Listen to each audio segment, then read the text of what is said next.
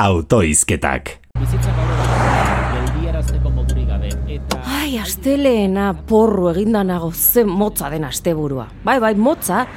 Ai, batez ere orain, ustezko normaltasunera itzuli eta gero. Hm, Belgikarrek oso ondo egiten dute hori. Ai, bai jakin lan erreforma nola egiten den. Lau egun lan eta hiru. Jai!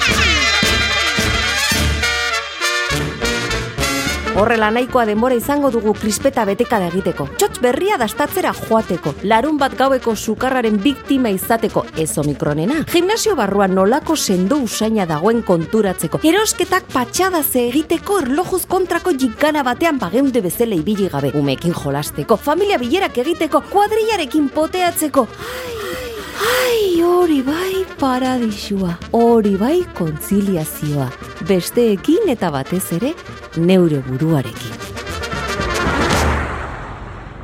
Eta zubietan, boa, boa, boa, boa, bagian, eguzkitan jarri eta lana zazteko denbora ere emango dizu.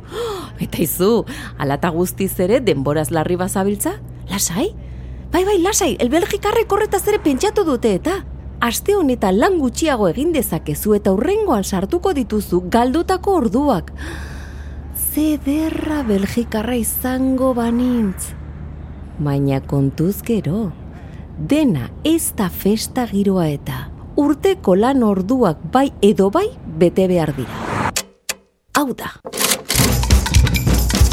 Lau lan egun bai, baina bakoitzak amar ordu, gordin gordinik. Gutxiago egitea erabakitzen baduzu, eta aurrera sartu ondo apuntatu zorretan dituzun ordua. Eta argi izan, egunen batean agian oetik lanera eta lanetiko ere egin beharko duzula. Eskerrak oraingoz ez dugun hogeita lau zazpiko plana. Hau da, egun osoa lanera konektatuta egotea teknologia berrien bitartez. Espero dezagun Belgikan, ez egotea boladan hemengo batzuen sistema. Zertarako egin gaur, bihar egin badezaket. Hala hasi ezkero, abendua iritsita, ezingo ginateke hilabete osoan bulegotik irten. Ez talotara joateko ere. Eta hiru jai egunak sofan botata indarrak berritzeko. Ai, egia esan, Belgikako zerbeza on batekin eta bonboi batzuekin, agian ez da hain plantxarra izango.